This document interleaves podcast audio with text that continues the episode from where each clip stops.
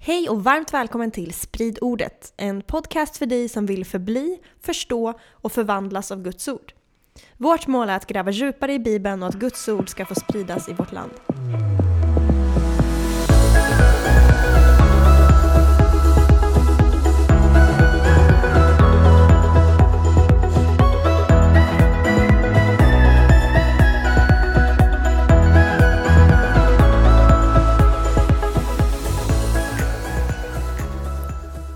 Då var det dags igen för ett nytt avsnitt med Spridordet och eh, bibelsnack med Petrus och Jenny Eurell.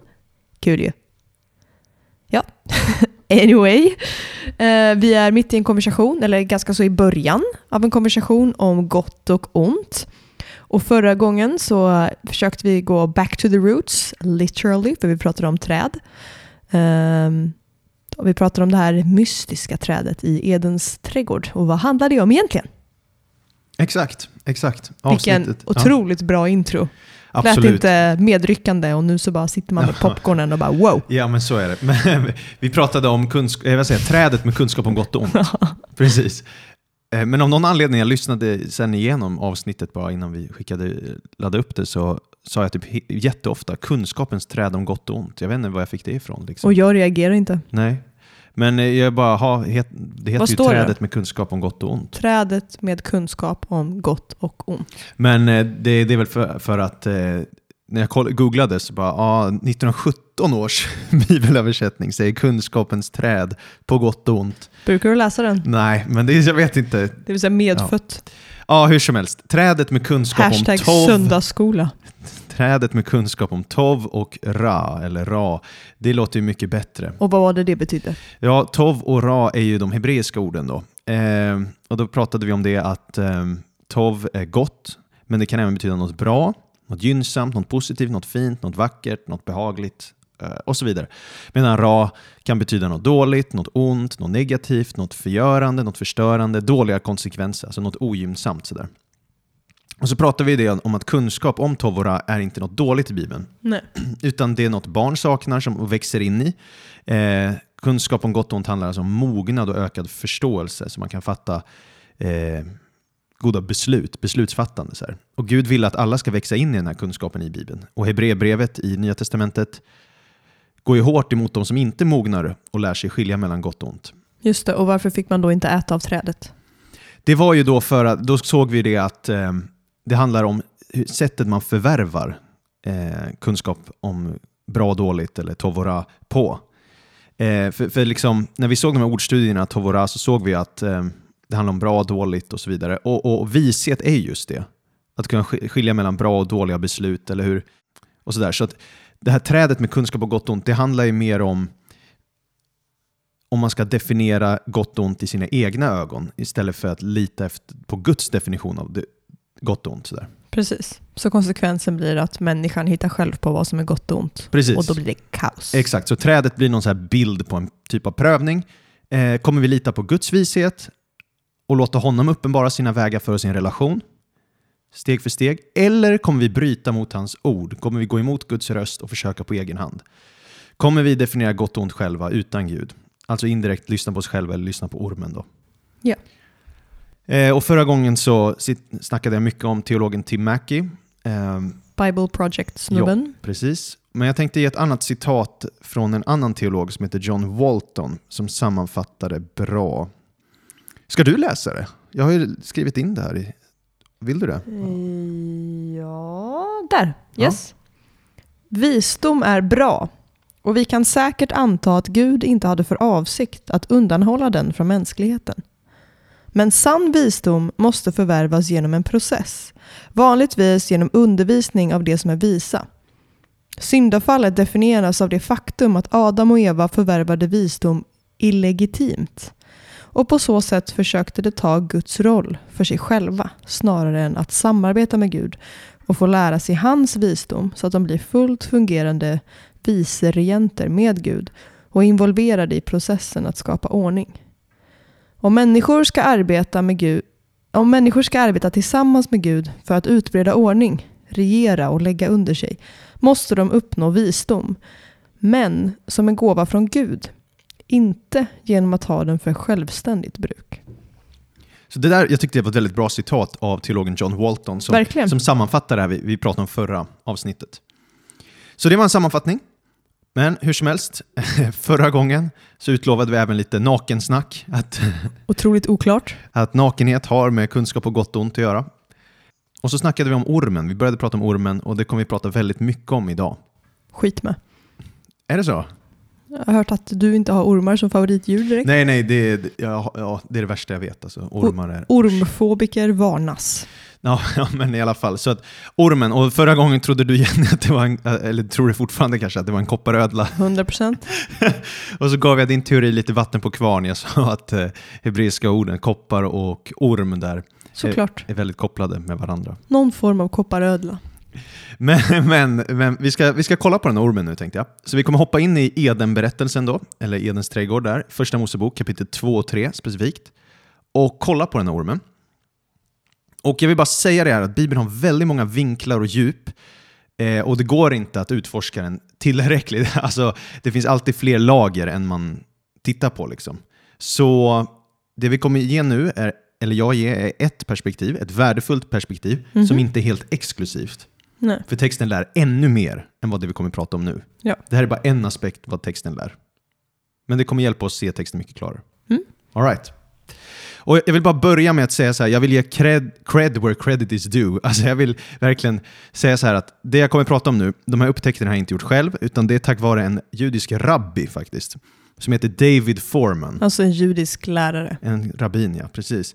Och hans bok The Beast That Crouches at the Door, den är så bra. Och utan hans insekt, ins, insekt, insi- Insekter. insikter eh, i den boken, då hade jag inte sett det jag vill förmedla nu. Liksom. Så om man vill djupdyka ännu mer i det vi kommer tala om i det här avsnittet, så köp David Formans bok The Beast That Crouches at the Door. Låter som en väldigt trevlig eh, Ja, den är riktigt bra. thriller. Den är riktigt bra. Okej, men vi, vi kör igång direkt. Ormen. Vad vet vi om ormen? Är ormen djävulen? Är ormen en ängel? Satan? Kanske. Men det vet man ju inte så där tidigt i berättelsen, i kapitel 2 och 3, eller hur? För det enda vi ser är ett djur. Varför är det ett djur? Och vad vill berättelsen förmedla med det? Vad vill ormen och hur ska vi förstå djuret? Och då blir frågan så här. Ehm, Okej, vad vet vi om ormen? För det första, han talar. Han snackar. Och Aldrig, aldrig träffat någon orm som pratar. nej, precis. Det verkar ju inte likt ormar, eller hur? Sörbäs. Du, alltså, nej, du, dålig kommentar. Nej! Har du inte sett Robin Hood? ah, just det. Jag, jag tänkte på Skansen-ormen. Ja, ah. jo, den, den är ju ah, I. Robin Hood talar ju han. Ja, han talar- heter också Servais. Ja, Det är därifrån namnet Ja, kommer. just det. Just det. Jag tar tillbaka det då, sorry. Mm. Eh, men så här, det verkar inte likt ormar att tala, eller hur? Men det märkliga i Bibeln, i, i de här kapitlerna, det verkar inte ens förvånande att ormen talar. Det står inte att de reagerar i Nej, alla fall. precis, precis. Men till exempel när Biliams åsna senare i Bibeln talar, då blir man förvånad. Ja, Men inte här i Första Mosebok kapitel 2-3. Vi ska alltså inte bli förvånade av att ormen snackar. Det är inget konstigt med en talande orm i berättelsen i Eden. är du helt hundra på det eller bara att det inte står att hon hoppade tre meter upp i luften Nej, men det verkar ju inte vara konstigt alls. Hon har ju en casual konversation med honom. Ja. Alltså, hon borde ju reagera annars. Liksom. Tror du alltså att djuren pratade för Det vet jag inte, men vi, vi går igenom mysteriet här bara. Ja. Okej, ännu mer mystiskt. Ormen talar inte bara, den vandrar också. haha, ödla? För att vi, vi vet ju i slutet att när ormen förbannas så kommer den kräla och äta jord. Och implikationen är då att innan så vandrade ormen. Mhm. Mhm.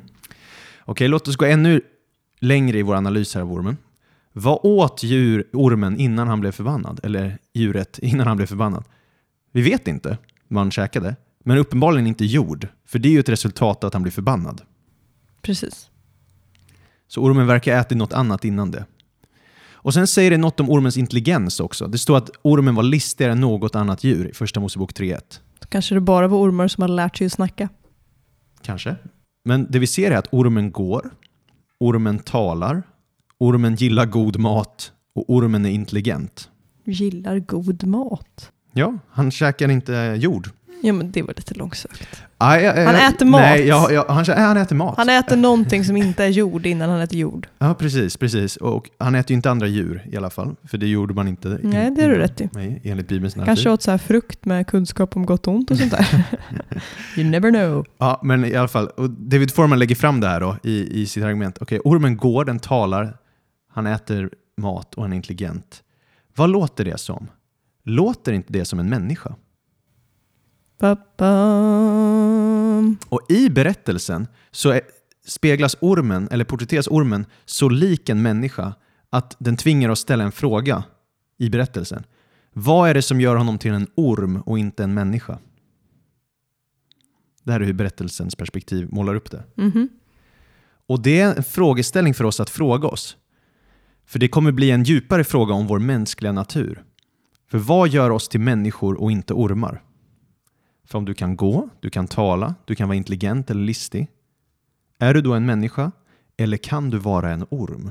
Oj. Så ormen får, får oss att fråga liksom, vad är skiljelinjen mellan att vara en människa och vara ett djur? Eller skiljelinjen med att vara en människa och en orm? Hmm. Och jag kommer utveckla det ännu mer nu då. Ja, det är jättespännande. Det är jättespännande, eller hur?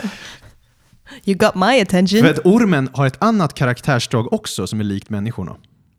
Men det är inte helt enkelt att se om man läser Bibeln på svenska. För så här, till exempel, då och då när man läser bibelberättelser, då kommer man upptäcka att eh, texten verkar betona ett visst ord eller en fras eller en idé som upprepas gång på gång igen i, i en berättelse.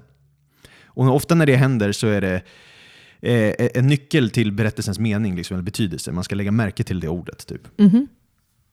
Och det ska leda oss in till en djupare förståelse av texten. I berättelsen om Adam och Eva i Edens trädgård så hittar vi ett ord som dyker upp väldigt mycket. Det är ordet, hebreiska ordet arom. Naken. Där har vi det. Där har vi det, naken.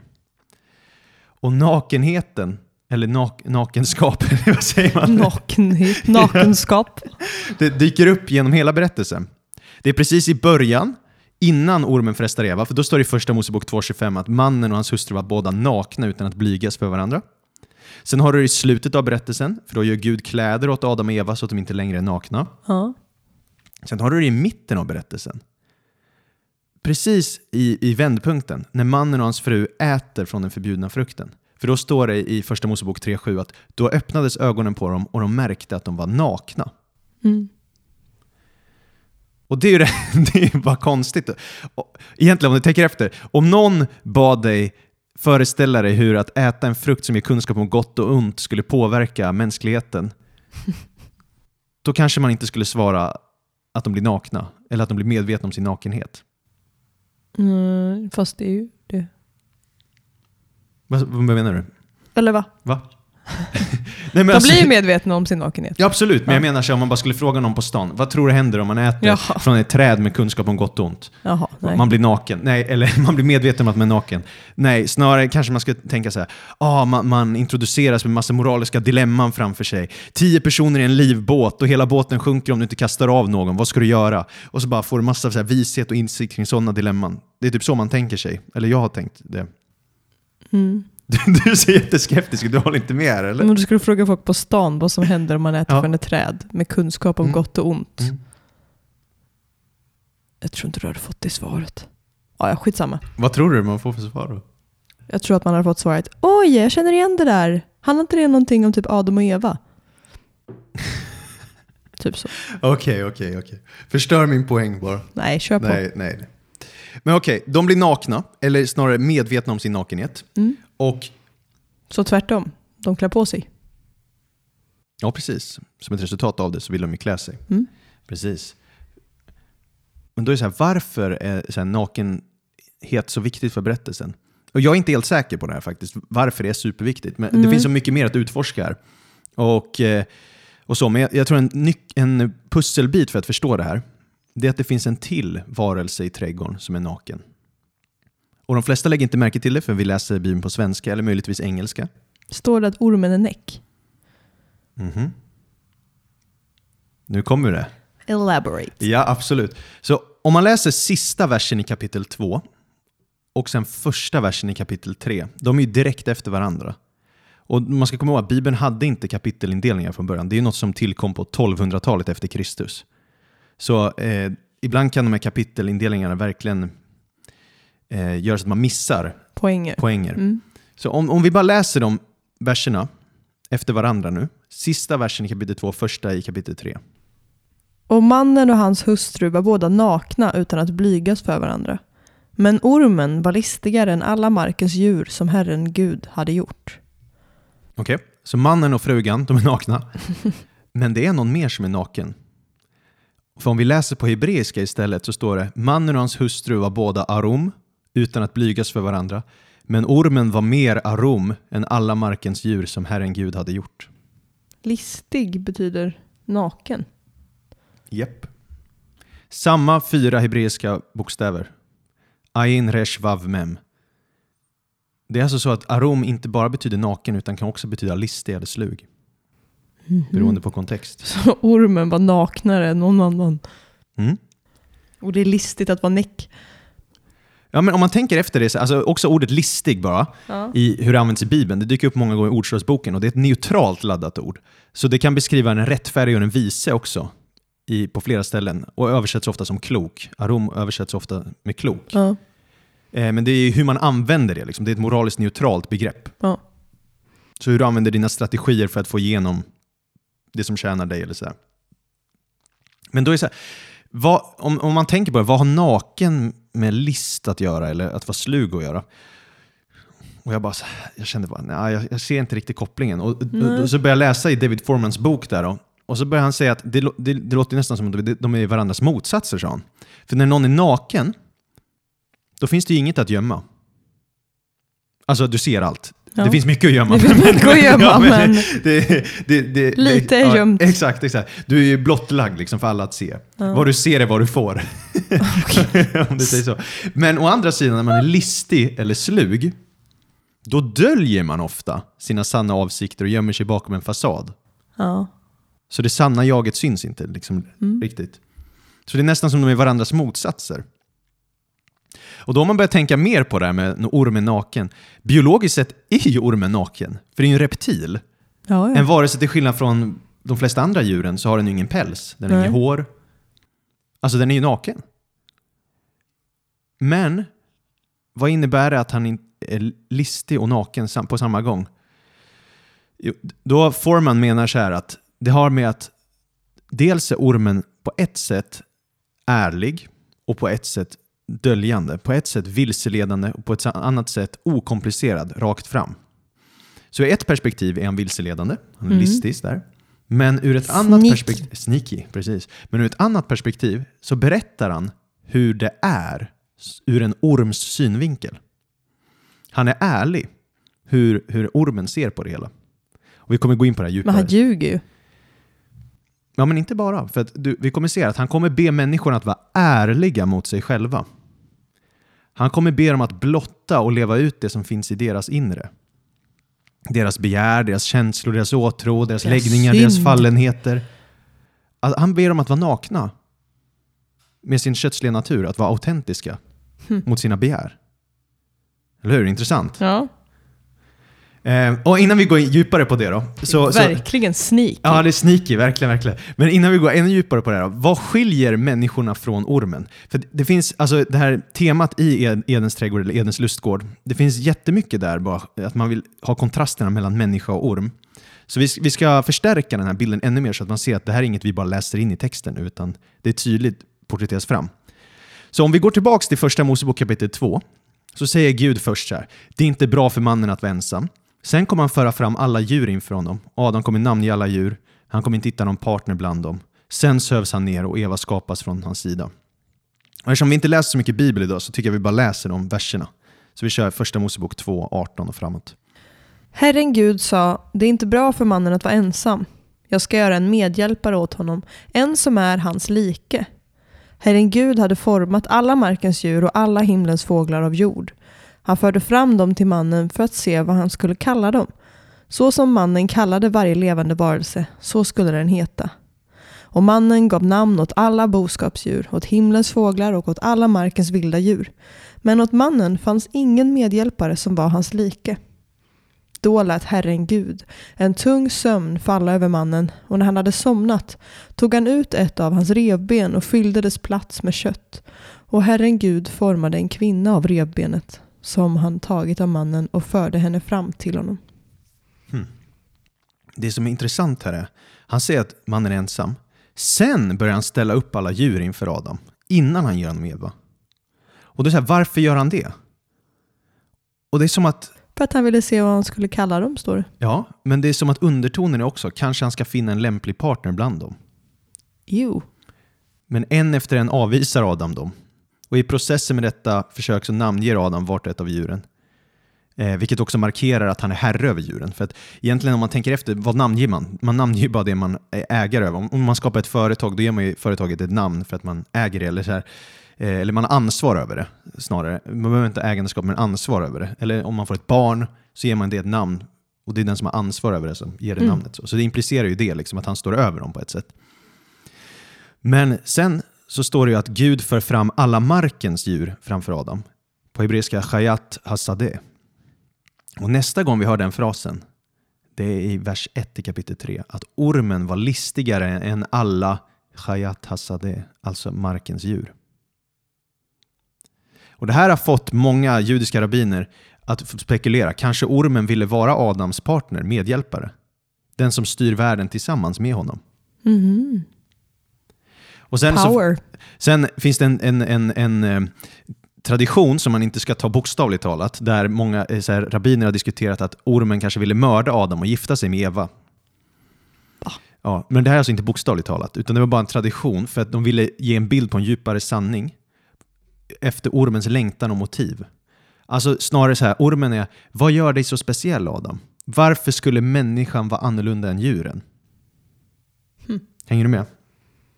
Det är liksom eh, rabbinernas sätt att uttrycka sådana här komplexa tankar. Typ. Men alltså att djurvärldens utmaning till människan är, är du verkligen så olik oss att du står över oss? För innerst inne, är du verkligen inte en av oss då? Varför ska du regera över oss? Kan vi inte regera tillsammans? Och på ett sätt är det ju inte bara en fråga ormen ställer, utan en del människor har säkert tänkt så. När man, när man varje, alltså Foreman tar upp det i sin bok också, typ, varje gång man utövar kontroll över ett djur, varje gång man inte, sadlar upp en häst att rida på så kanske man kan fråga sig själv, vem är jag att göra det här? Är jag verkligen så annorlunda? Hmm. Och ur ett ateistiskt perspektiv blir det också så här, frågan ännu mer relevant, är inte människan ett djur? Mm. För då blir så här frågan, vad är skiljelinjen mellan en människa och ett djur? Ormen i Edens trädgård, han pratar, han går, han är, han är smart, han, eh, han käkar, mat. Käkar. Ja, exakt, exakt. Och han är naken. Så i vilken mening är han, precis som människorna var nakna, så i vilken mening är han en orm och inte en människa? Varför kunde han inte vara en passande partner för mänskligheten trots allt? Hänger du med? Alltså det är hur Mm. bibliska texten porträtterar det så. Mm. Så vi märker att ormen vill regera med människan. Och då, hur ser det ut när ormen regerar tillsammans med människan? Det blir ju en annan typ av regerande än när vi regerar med Gud. Så då blir frågan här i, i berättelsen, kommer vi lyssna till ormens röst och regera med honom eller lyssna till Guds röst och regera med honom? Mm. För du, blir, du är viseren till den du lyssnar till, Mm. för det är den du lyder. Ja, Hebreiska ordet för lyssna och lyda är samma ord också. mäktigt. Så ormen börjar tala med Eva då, för att han verkar vilja regera med människorna. Och han är väldigt listig, väldigt smart. Och det han börjar säga, alltså det man, man skulle kanske kunna förvänta sig att ormen skulle börja säga kolla hur god frukten ser ut att vara. Lång. eller, eller något sånt där. Men vad gör han? Låt oss läsa vad han gör här i första Mosebok 3. Från vers 1. Men ormen var listigare än alla markens djur som Herren Gud hade gjort. Han sa till kvinnan, har Gud verkligen sagt, ni får inte äta av alla träd i lustgården? Kvinnan svarade ormen, vi får äta av frukten från träden i lustgården, men om frukten på det träd som står mitt i lustgården har Gud sagt, ät inte av den och rör inte vid den, ty då kommer ni att dö. Då sa ormen till kvinnan, ni ska visst inte dö.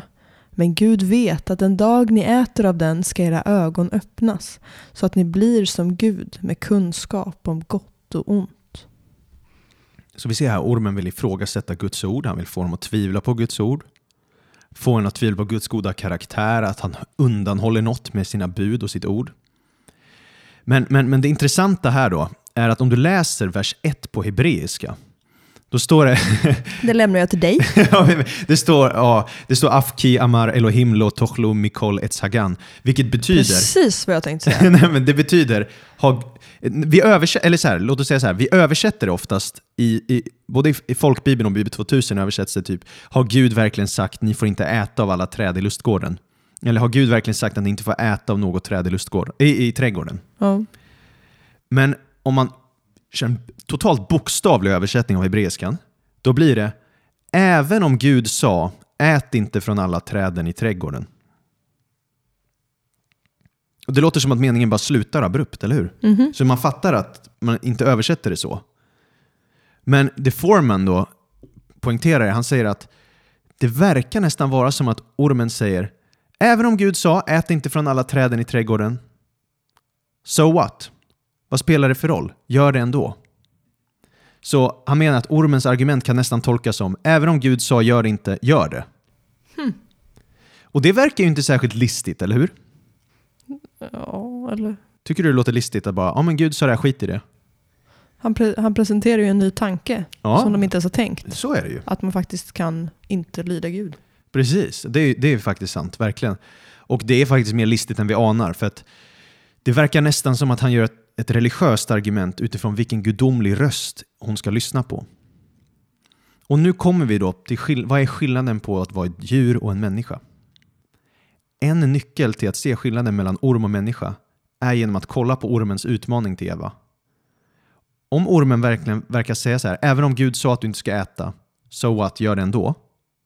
Vad är frestelsen då? Vad är det ormen försöker trycka på?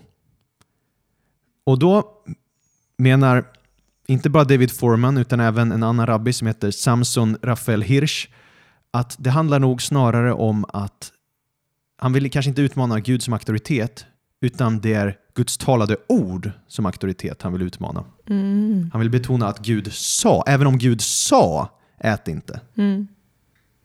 så finns det ju en annan så, citattecken gudomlig röst i ditt hjärta. Med andra ord, du skulle kunna säga så här, Gud kan ha sagt att man ska undvika trädet, men frågan är, vill du äta av trädet? Önskar du det? Mm. Och låt oss säga att du verkligen vill ha trädet. Var tror du de önskningarna kom ifrån? Vem stoppade dem i dig? Var det inte Gud som förde in dem i dig? Föddes du inte med dem? Visst, gjorde, visst stoppade Gud i det här? Han är ju din skapare. Så det verkar som att ormen börjar Göra begären gudomliga. Exakt. Exakt. Alltså rösten inom dig, dina passioner, dina begär, dina känslor, den du känner dig vara, lockar dig att verkligen äta av träden, trädet. Så ska du lyssna på det, eller ska du lyssna på Guds ord? Så han tar på något sätt bort att det finns synd i människan. Exakt. Precis. Och det spännande är ju då att ormen, egentligen vad ormens argument blir, är ju så här, om jag var i din position så skulle jag se det så här, även om Gud sa att du inte ska äta av träden, vem bryr sig? Det är inte rösten som talar till dig ord som är det viktigaste, det är rösten inom dig som är det viktigaste. Och det här argumentet från en orms perspektiv är väldigt naket, okomplicerat, för han berättar ju hur det är att vara en orm. Mm. För tänk själv, hur gör Gud sin vilja känd för en orm eller ett djur? Inte genom ord va? Instinkt. De har in, exakt, de har ingen bibel. De blir inte undervisade. Djuren blir ju inte det, eller hur? De bara kör. Men bara för att or, eller ormen eller djuren inte har någon lagbok betyder det inte att det inte finns några lagar, utan tvärtom. Som du sa, djuren följer ju den gudomliga viljan ganska troget. Instinkten inom dem. Guds röst pulserar ju inom dem. Det är ju det som är Guds vilja i deras liv. Att följa sina passioner, önskningar, instinkter inom sig själva. Så varje gång en björn jagar en lax eller varje gång ett lejon jagar en gasell, eller, ja, du fattar, så agerar ju de naturligt och lyder instinktens eller begärets röst inom sig själv. Mm. Och så kan man ju säga att djuren då följer sin skapares vilja. Ja. Så för ormen blir ju då den här vägen ur motsägelsen mellan Guds talade ord och det man upplever på insidan ganska tydligt. För han säger, även om Gud sa, ät inte från trädet, det spelar ingen roll. Guds verkliga röst finns inte i ord. Guds verkliga röst är det som inte talar till utifrån, utan den som slår inom dig, i ditt hjärta. Alltså följ ditt hjärta, följ dina känslor, följ dina attraktioner. Spännande va? Och det här är kanske ormens främsta frestelse. som ska verkligen få oss att fundera på vad innebär det att vara en människa? För varför kunde ormen inte vara Adams partner eller hjälpare? Hur skiljer sig mänskligheten från djuren? Vad gör oss till människor? Är det att vi kan prata? Uppenbarligen inte. Ormen kunde prata. Eller hur? Mhm. Är det vår IQ som gör det? Ja, men ormen porträtterades ju som väldigt intelligent där. Mhm. Och till och med modern, alltså djur idag är väldigt intelligenta. Jag, jag läste, fun fact, jag läste att tvättbjörnar är proffs på att dyrka upp lås. Jättekul. Eller, så här, ja, eller delfiner har jättehög IQ och sådär. Och, och samma sak, det finns djur som går upprätt kan man säga. Ja. Eh, alltså vissa apor kan ju någorlunda i alla fall. Men så om det, om det inte är att vara människa ligger i att kunna tala eller gå eller att tänka intelligent sådär. Vad är det då som gör dig till människa och inte till djur? Vi skapade till Guds avbild. Vi skapade till Guds avbild, absolut. Men Rabbi Forman lyfter upp en annan aspekt också. Det är också i hur Gud talar till dig. Det Mm. främsta sättet Gud talar till en människa. För vi har en annan kommunikation till vår skapare än någon annan varelse. Mm. Eller hur? Mm. Så om Gud talar till dig främst genom din passion eller din instinkt eller dina begär så allt du behöver göra är att undersöka vad som finns i ditt hjärta för att ta reda på vad Gud vill ha av dig, ja då är du ett djur. Metaforiskt sett pratar jag om. Ja. Men om Gud har förväntningar på dig att agera över dina instinkter och passioner, om Gud vänder sig till ditt sinne och ber dig höja dig över dina önskningar, ja, och, och, liksom, och kanalisera dem på ett konstruktivt sätt, ja då är du en människa. Så om man har självbehärskning är man en människa. Mm. Exakt, självbehärskning är Mänskligt. ett mänskligt koncept. Precis. Jag, för jag funderar på liksom, hur kan man sätta det här i kontrast till andra varelser som kommunicerar med Gud. Jag tänker på typ änglar. Mm. Gud kan ju ge dem uppdrag och grejer. Men vad är det som gör att vi inte är änglar då? Det är att vi är satta som her herrar över skapelsen. Men det där, kommer vi in på något annat. För att, eh, då skulle vi behöva gå in på en ordstudie om Elohim, som är, är ordet för Gud, men också gudar i plural och det gudomliga. Och ibland så verkar nästan änglar kallas Elohim i Bibeln och andliga väsen kallas Elohim. Och de verkar ha den förmågan och människor har det också. Så vi, då kommer vi in på ett väldigt sidospår. Sådär. Men det är en bra fråga du lyfter Jenny, men Ja. vi, vi tar inte upp den nu. Eh, Vi håller oss till djuren. vi håller oss till djuren for now, liksom, Ja. jämför djur med människor. Så det är ju så här, ormen är väldigt ärlig och rak och naken. Han säger bara så här är det att vara en orm. Så, Man ser något gott och käkar det. ja, exakt, exakt. Så liksom, det blir på ett sätt listigt och bedrägligt och på ett annat sätt väldigt naket. Så ormen manar oss till att vara autentiska. Vilket helt och hållet förbiser att vi har en kötslig natur. Och då i den här boken tar eh, David Forman upp en, en berättelse. Han, han, han körde bil i New York och så lyssnade han på radion. Och så är det en av DJsen på musikstationerna som bara eh, möter en uppringare eh, och som vill, den här uppringaren ha romantiska problem. Eh, och sen, eller nej, det, det är flera uppringare, just det. Och så har de massa romantiska problem sådär. Och en eh, ung religiös kille ringer in då och snackar lite med den här DJn. Och han börjar förklara varför han har valt att förbli oskuld tills han gifter sig. Och då börjar DJn diskutera med honom. Och sen då till David Formans stora förvåning är att DJn framför ett religiöst argument. Han säger så här, ja men du, säg mig. Är du en normal kar liksom? Har du någon åtrå? Och så är det tyst i luren. Och så säger han, men varför tror du att Herren placerade de här önskningarna i dig om han inte ville att du skulle agera efter dem? Om du är skapad så, varför ska du inte bara agera ut det? Och då så är det tyst i andra änden och den här, han kunde inte riktigt svara på det. Och David Foreman hörde det här och bara, åh, mitt hjärta går ut till honom. Liksom. Att, eh, och insåg att ja, men det här ormens argument är högst aktuellt än idag. Ibland är jag sugen på att slå folk. Det är så? Ja. Oh ja. Men du har aldrig gjort det? Nej. Tack och lov. Är det mig du vill slå? Mm, jag. Nej, det hoppas jag inte. Nej, jag vill inte slå folk. Men jag vill bara kontrastera. Ja, du ville mena liksom att ja, om det dyker upp känslor och så här. Precis, för vi är skapade med de känslorna. Och, och det här, jag, jag har tänkt så mycket på det här och de här argumenten dyker upp så mycket i modern tid. Och jag läste en artikel i, i kyrkans tidning för några veckor sedan. Och Kyr- kyrkans tidning det är, en, Sjukt kristet. ja, men det är en redaktionell fristående tidning med svenska kyrkan och kyrkliga frågor som största bevakningsområden. Så, här. så det är, Så sven- är det liksom. Svenska kyrkan som gör den? Ah, det vet jag inte, men de bevakar Svenska kyrkan i alla fall. Och de, det behandlar väldigt mycket det som sker där. Typ. Och då, började jag, då läste jag en artikel där med en så kallad queer-teolog Mhm. som heter Lina Landström. Eh, och hon började argumentera för att eh, kyrkan måste börja acceptera polyamori. Alltså att ha kärleksrelationer med flera personer samtidigt. Så att man har mer än en partner. Precis, att man kan bli förälskad i flera och allt det där.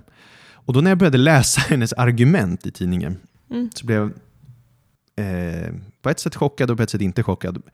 Och låt mig bara läsa några citat här, hur hon argumenterar. Om vi är skapta för att bli kära i flera samtidigt och vi önskar leva polyamoröst, varför ska vi då inte göra det om det är Guds vilja?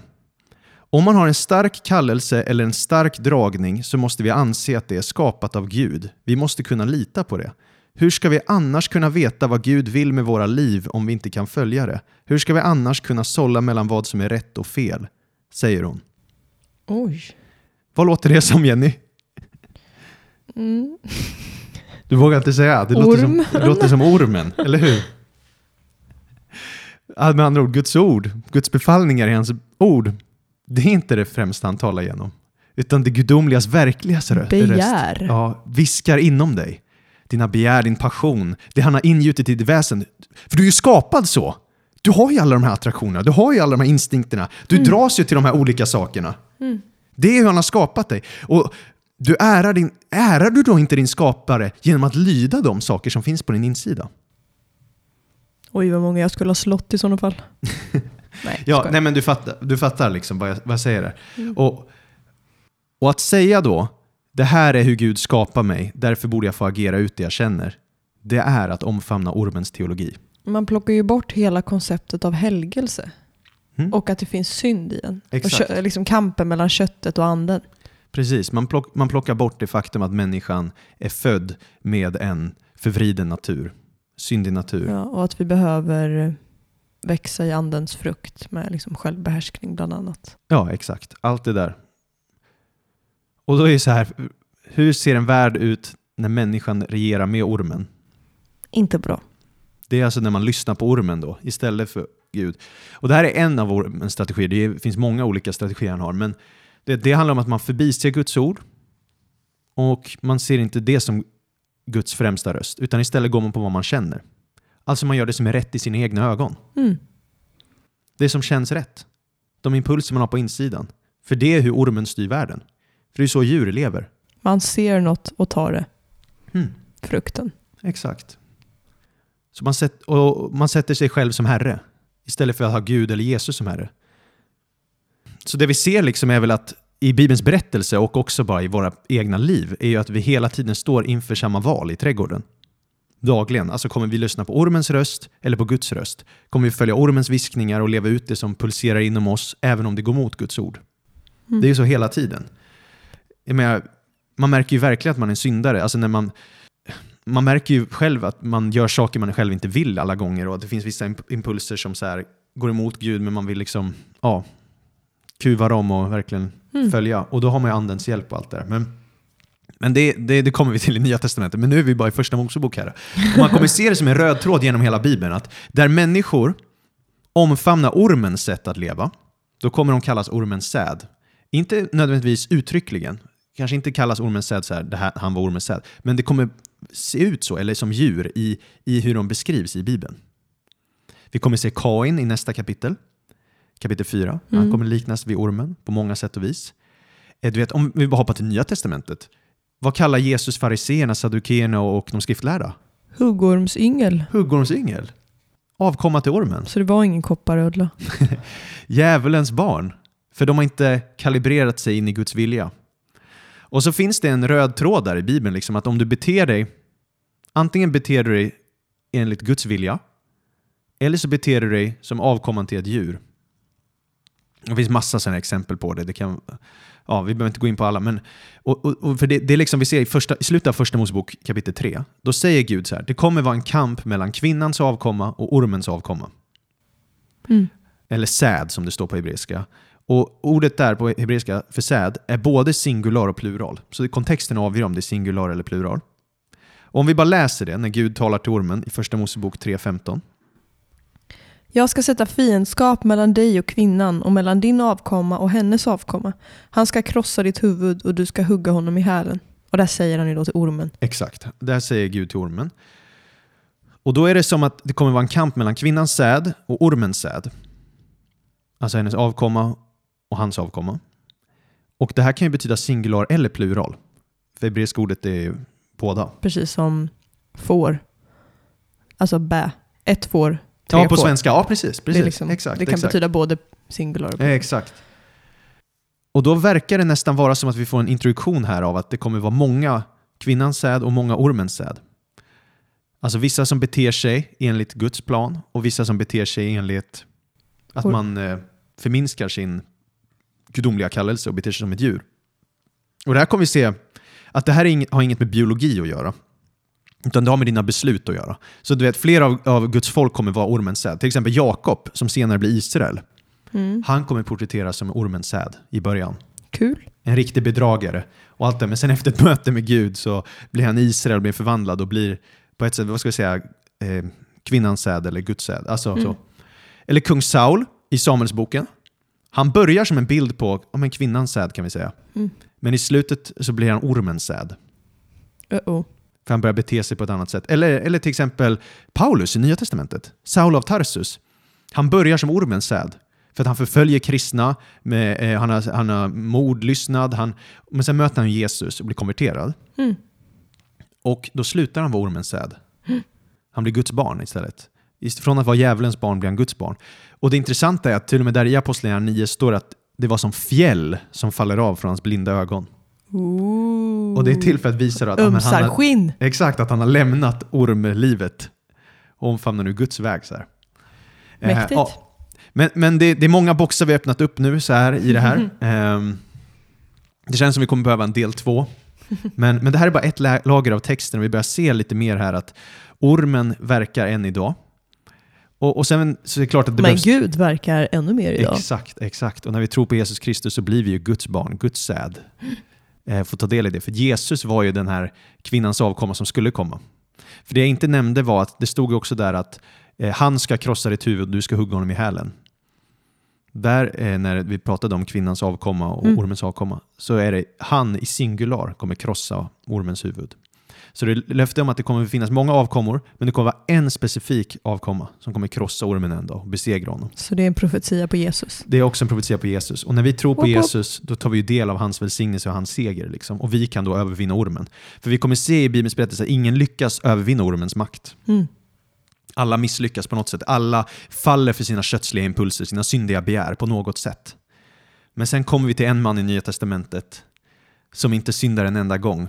Han står emot ormens alla frestelser och sen så dör han på trä, naken. Ooh. Oj, oj, oj. Och vänder allting. Krossar ormens huvud. Besegrar honom. Och när vi tror på honom så kan vi leva i den segern. Älskar Jesus. Älska Jesus. Halleluja. Och sen då, det, och det är också det, att alla begär inom oss är inte dåliga, för när vi tror på Jesus sen så får vi förvandlade hjärtan. Och det som händer då är ju att han kommer ju ge oss eh, goda begär och önskningar, passioner och läggningar, åtrå och så vidare inom oss också. Eller hur? Alltså en, Mm. en hunger efter Guds ord till exempel. Det är ju ett gott begär. Ja. Eller, och så vidare, att älska människor eller sådär. Men det är hela tiden att vi behöver hela tiden titta på Guds ord och låta det styra våra liv.